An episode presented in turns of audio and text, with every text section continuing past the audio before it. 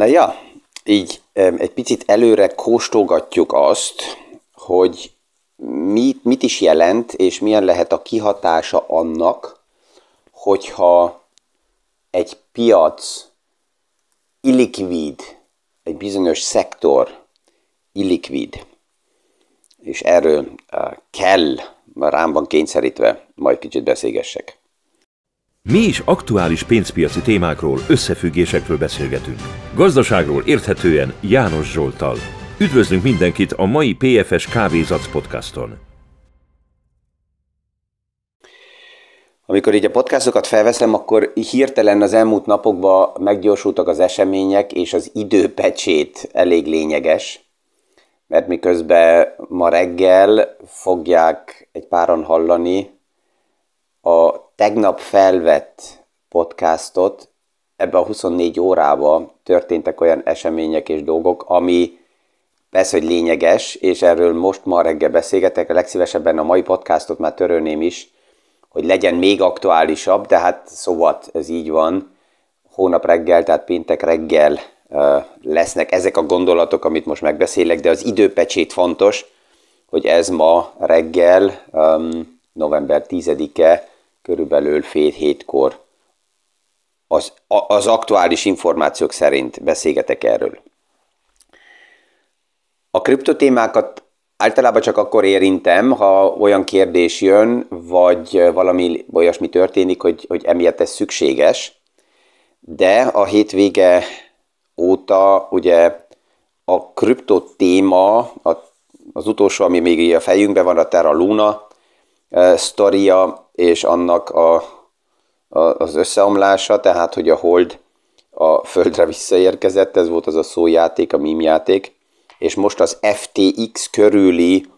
témák uh, mozgatják a piacokat, és az egyik oldalról ugye ennek mi köze van a likviditáshoz, és miért, miért az a gondolatom, hogy ez egy ilyen előjáték, hogy mi történhet, hogyha kevés a likviditás a piacba, egy bizonyos szektorba, és hogy nem véletlen az, hogy Janet Yellen és az amerikai kormány egy jó ideje itt a picit a brit központi banknak a lépése és a brit nyugdíjpénztárak problémája keltette fel a figyelmet, már azon dolgozik, hogy egy ilyen védő hálót összeállítani, ami a kötvénypiacokat fogja érinteni. Mert ha a likviditási témát ugye kézbe vesszük, akkor um, ez, ez olyan egyszerűen hangzik, hogy likvid vagy illikvid a piac, de ha likviditás áll rendelkezésre, az általában vételi tőke. Tehát, hogyha jön likviditás, cash, pénz egy bizonyos iparágba, akkor ez mind a hullám, amikor jön az árvíz, a víz az mossa fel magával minden hajóta, és minden, ami úszik, az, ami ott van. És abban a pillanatban, amikor most fel mindent, akkor nagyon sokan nem tesznek fel minőségi kérdéseket. És akkor jön az, hogy there is no alternative, tehát Tina. Amikor a likviditás visszavonul, akkor jönnek a kérdések, hogy akkor, akkor hol van minek az őszinte szintje, vagy a megfelelő szintje, és ahhoz, hogy az árak stabilak tudjanak maradni, egy csökkenő likvid piacba is kell egy alap likviditás, egy alap bevőzaj, aki az árakat stabilizálja. Na most a nagy piacba a központi bankok a Lehman esemény után nagyon sok likviditást adtak a piacnak, tehát ez azt jelentette, hogy ők elkezdtek mindent felvásárolni, roncsokat is. Csak azért, hogy a piacot stabilizálják. Ez, ez, ez miért volt jó? Na ja, mert az egész eventnek, az egész események a hatása annyira kihatott, hogy már nem csak arról a szűk ajtóról volt szó, ahol egy páran próbálnak kimenekülni, és egymást meg, meg, meg, meg, meg sértik, mert, mert annyira erőszakosok, hogy kimenjenek az ajtón, hanem kezd az ajtó tokja is rombolódni, és kell a fal, kezd a fal rombolódni, és ez a ház rombolódni. Tehát a minimális esemény, amikor kezdi kinőni magát, akkor, és érti, érinti az egész rendszert, akkor lépnek fel a központi bankok. És most a központi bankok egy jó ideje a mérleget építik le, tehát likviditást vonnak ki a piacból, ahhoz, hogy az árak stabilak maradjanak, az mi kellene történjen. De ja, az a likviditás, amit a központi bankok ki vannak a piacból, az be kellene jöjjön privát oldalról, intézményi oldalról, alapítványok oldaláról, nyugdíjpénztárak oldaláról, tehát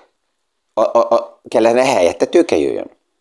De hogyha bizonytalanság van a piacban, bizonytalanság van abban azzal a szektorral szembe, a kamatok növekednek, nem lehet olyan egyszerűen likviditást előteremteni, akkor nem jön ez a pót likviditás, és akkor szárad ki az a piac, és ez azt jelenti, hogy az árak nem állnak meg, kezdenek csökkenni. Ez, ez, ez alapjában még egy normális hullámzás ugye a piacba,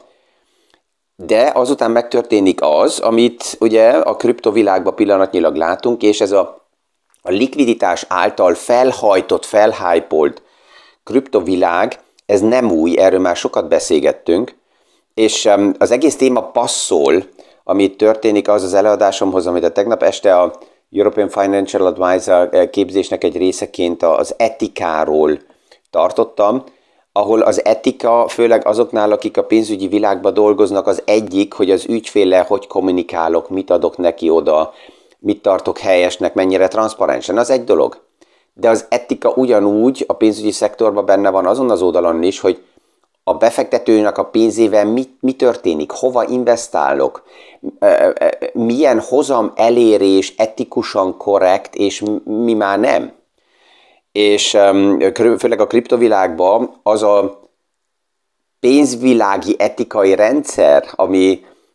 most már kialakult, és a pénzvilágban valójában megvan, az nem is volt, mert azt mondták, hogy szóval nekünk semmi közünk a pénzügyi világhoz, mi legjobb esetben IT cég vagyunk, pénzügyi világnak az etikai rendszer, amiket nem érdekel, de itt ugye összemosódtak egy kicsit a témák, és a, a,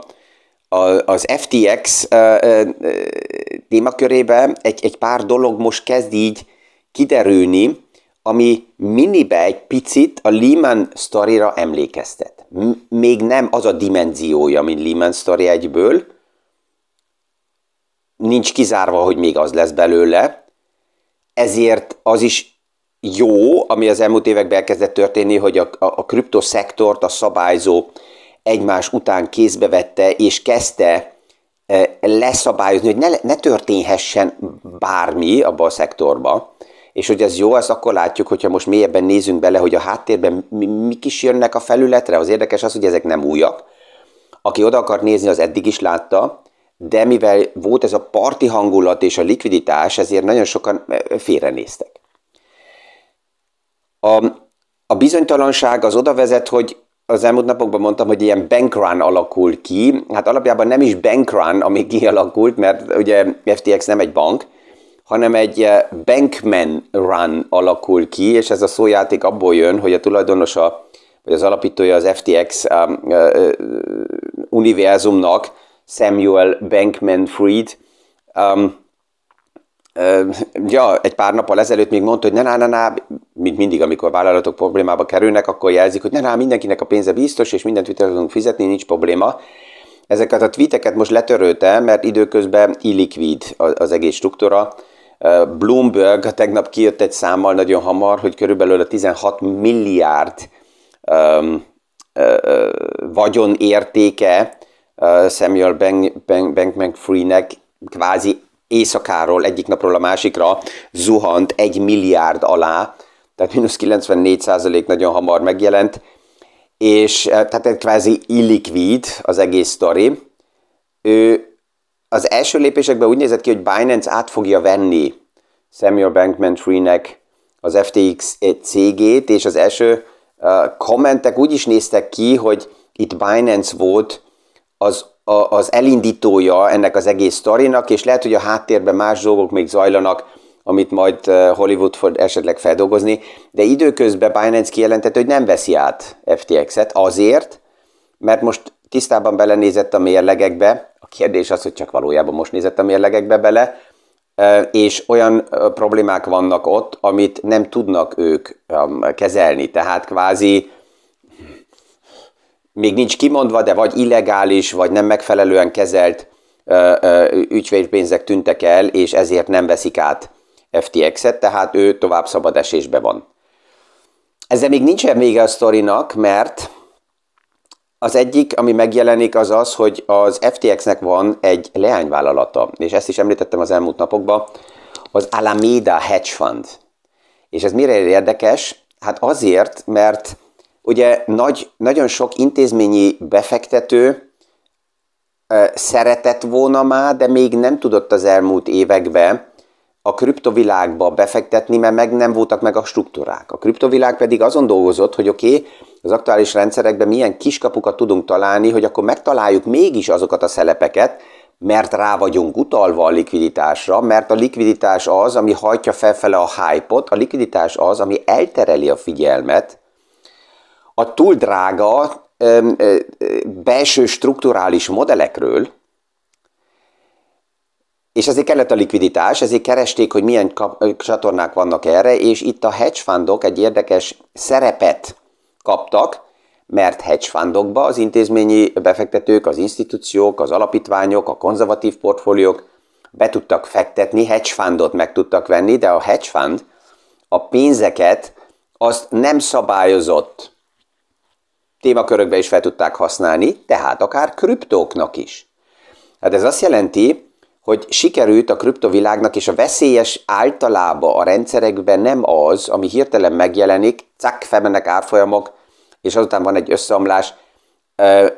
Nem ez a veszélyes, mert az egy szűk részét érinti a piacnak. A veszélyesebbek azok a nem teljesen kósa üzletek, amelyek lassan szirárognak benne a, bele a rendszerbe, és strukturálisan elkezdnek elburjánozni, és belekerülni más mérlegekbe is, ez volt a Lehman esetében, amikor azután a piaci rájött, hogy a Lehman összeomlott ki az egy sztori, de neki volt a CDS-eken keresztül olyan termékkonstrukciója,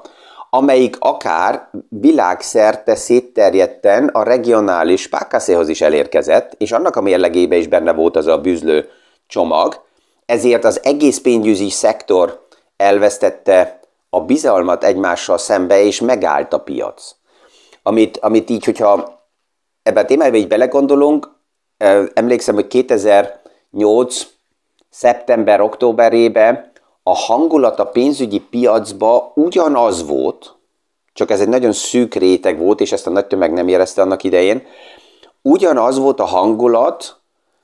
a, um, emlékszem, egy, egy november 11 egy péntek volt, azt hiszem délelőtt ültem már egyszerűen az irodámba, a világtól elég messze, és csak dörzsöltem a szemem, mert, mert, mert a csártok és a számok, amit láttam, az ugyanaz volt, mint 2020 márciusában a lockdown, amikor az egész globális világ megállt alapjába.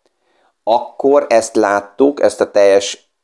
teljes megállást a pénzügyi szektorba Lehman által kiváltott. És akkor összehangoltan ugye a központi bankok, felléptek koncentrált akcióval, és azt mondták, hogy oké, okay, akkor mi adunk piacnak likviditást, hogy ezt állítsuk meg. Mert látták azt, hogy mennyire szét van ez terjedve, és ez nem csak Lehmanról van szó, hanem érinti az egész globális gazdaságot. Most így szinte óráról órában, napról napra jelennek meg egy pár új nevek az, Alameda Hedge Fundon keresztül, mert most jobban oda néz mindenki, és látják azt, hogy momentum a hedge fundnak a mérlegébe a legnagyobb pozíció az anyavállalatnak, a tokenjeinek a pozíció is, ezen keresztül más tokeneknek a keresztbe finanszírozása. Um, és megjelennek nevek, mint Citadel, egy másik nagyon nagy hedge fund, amelyik hedge fundból hedge fundba investícióval benne van a témában, megjelenik megint Softbank, amelyik a specs kapcsolatban is um, benne van egy pár témába. Kiderül, hogy Binance is, uh, Citadel is, a Terra Luna sztorinál egy már pár uh, milliárdot elégettek. Tehát itt még nem vagyunk a végén a sztorinak, de alapjában látjuk azt, hogy, hogy ez remélhetőleg még tovább is csak egy, egy, egy, egy kis kör. És, és persze, hogy nincs segítség. Tehát az, amit a technológiai szektor, azt, amit a kriptovilág várt, és kommentárokba újra és újra kijöttek, hogy a központi bank az túllövi a kamatemelést, és hogy ez nem jó, mert ez fog érinteni, azt fog érinteni. Persze, hogy önérdekből is beszélgettek, és beszélgetnek, mert ha csökkent, csökkenteni a központi bank a kamatot, akkor ez likviditás oldalára nekik segítene, akár a nem megfelelő bizniszmodelleket tovább finanszírozni. De pillanatnyilag ez nincs meg, mint érdek, és egyelőre csak a kriptovilágot biztos, hogy a nagy központi bankok nem fogják megmenteni azokat, akik egy-két évvel ezelőtt azt mondták, hogy á, a hivatalos pénzügyi rendszer az halára van ítélve, és ha beleszól a központi bank, akkor az torzítja a képet ide vagy oda, és mi meg vagyunk a mi teljes transzparens világunkba. Hmm, ez érdekes.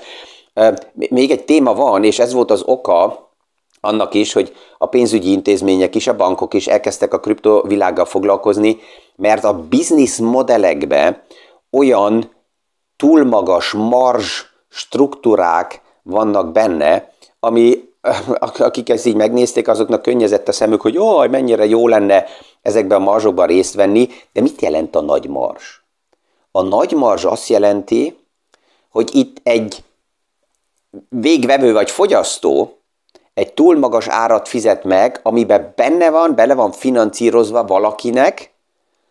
a jogos vagy nem jogos, túl nagy nyeresége.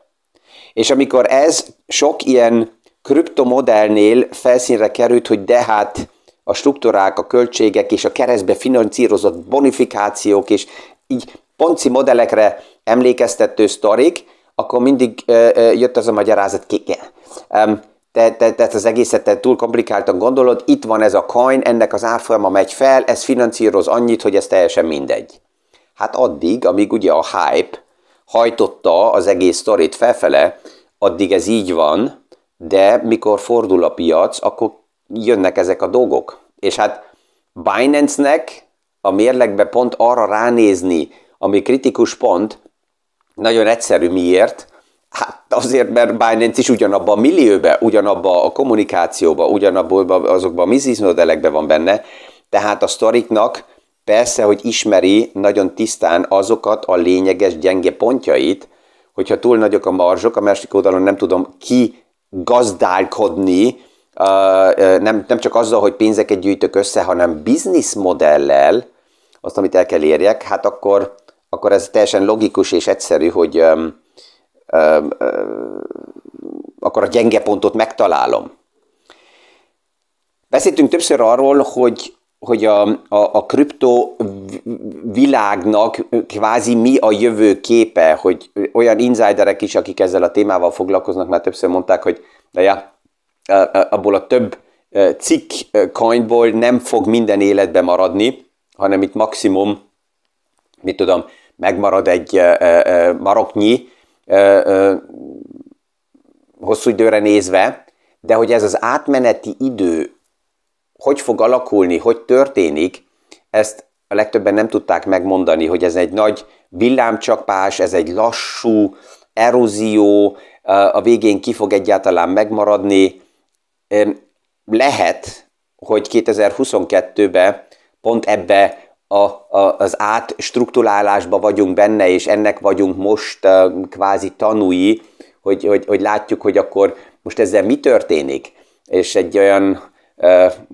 videó került a kezembe ezzel kapcsolatosan, hogy látszólag ilyen pici dominó kocka dől el, az első, a második, aztán a harmadik már nagyobb, a negyedik nagyobb, és itt, itt, itt, hogy mennyire van az összefűződés valójában a háttérbe, komplexitás oldaláról a kriptovilágban, ezt még a napokban fogjuk meglátni. A remény, ami tovább is megvan, hogy az egész még nem került olyan szintre ki a kirakatba, hogy ez a nagy pénzügyi rendszereket érinteni. Mert akkor jönnének kényszerhelyzetbe újra a központi bankárok. Pillanatnyilag egy dolgon így is már gondolkoznak, tehát a kötvénypiaci likviditási problémák miatt. Ugye ezt mondtam, hogy Janet Yellen és az amerikai kormány már ezen gondolkozik, hogy milyen mentő struktúrákat tudunk összeállítani. A Fed is kijelentette, hogy a mérleg csökkentést átgondolják, ami lesz, lefordítva szó szerint azt jelenti, hogy a gyorsaságot, amit elterveztek és amit elindítottak, hogy milyen tempóban vonják ki a likviditást a piacból, azt átgondolják, és ez egy picit a piacokat persze, hogy nyugtatja, mert azt jelenti, hogy akkor, akkor van likviditás, és az tudja tovább stabilizálni a piacokat. Nem ezt, nem ezt terveztem, mint témát, de mikor az este és ma reggel is az aktuális eseményeket megnéztem, és ez a hétvégén biztos, hogy foglalkoztatni fog nagyon sok sajtójelentést,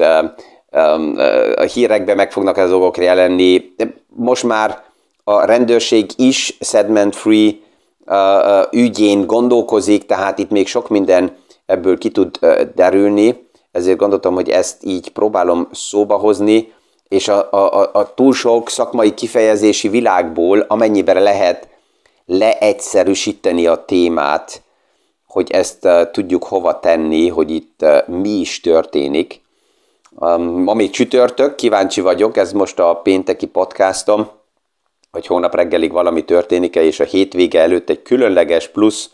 um, ez extra podcastot be kellett tegyek, de ezt majd meglátjuk. Um, kívánok mindenkinek ezekkel a, ja, az aktuális eseményekkel, um, vagy ezek mellett egy kellemes napot, uh, sikeres tárgyalásokat és a viszonhallása a hónap, nem, a hétfő reggeli, vagy az hétvégén egy kivételes következő PFS Kávézatsz podcast alkalmáig.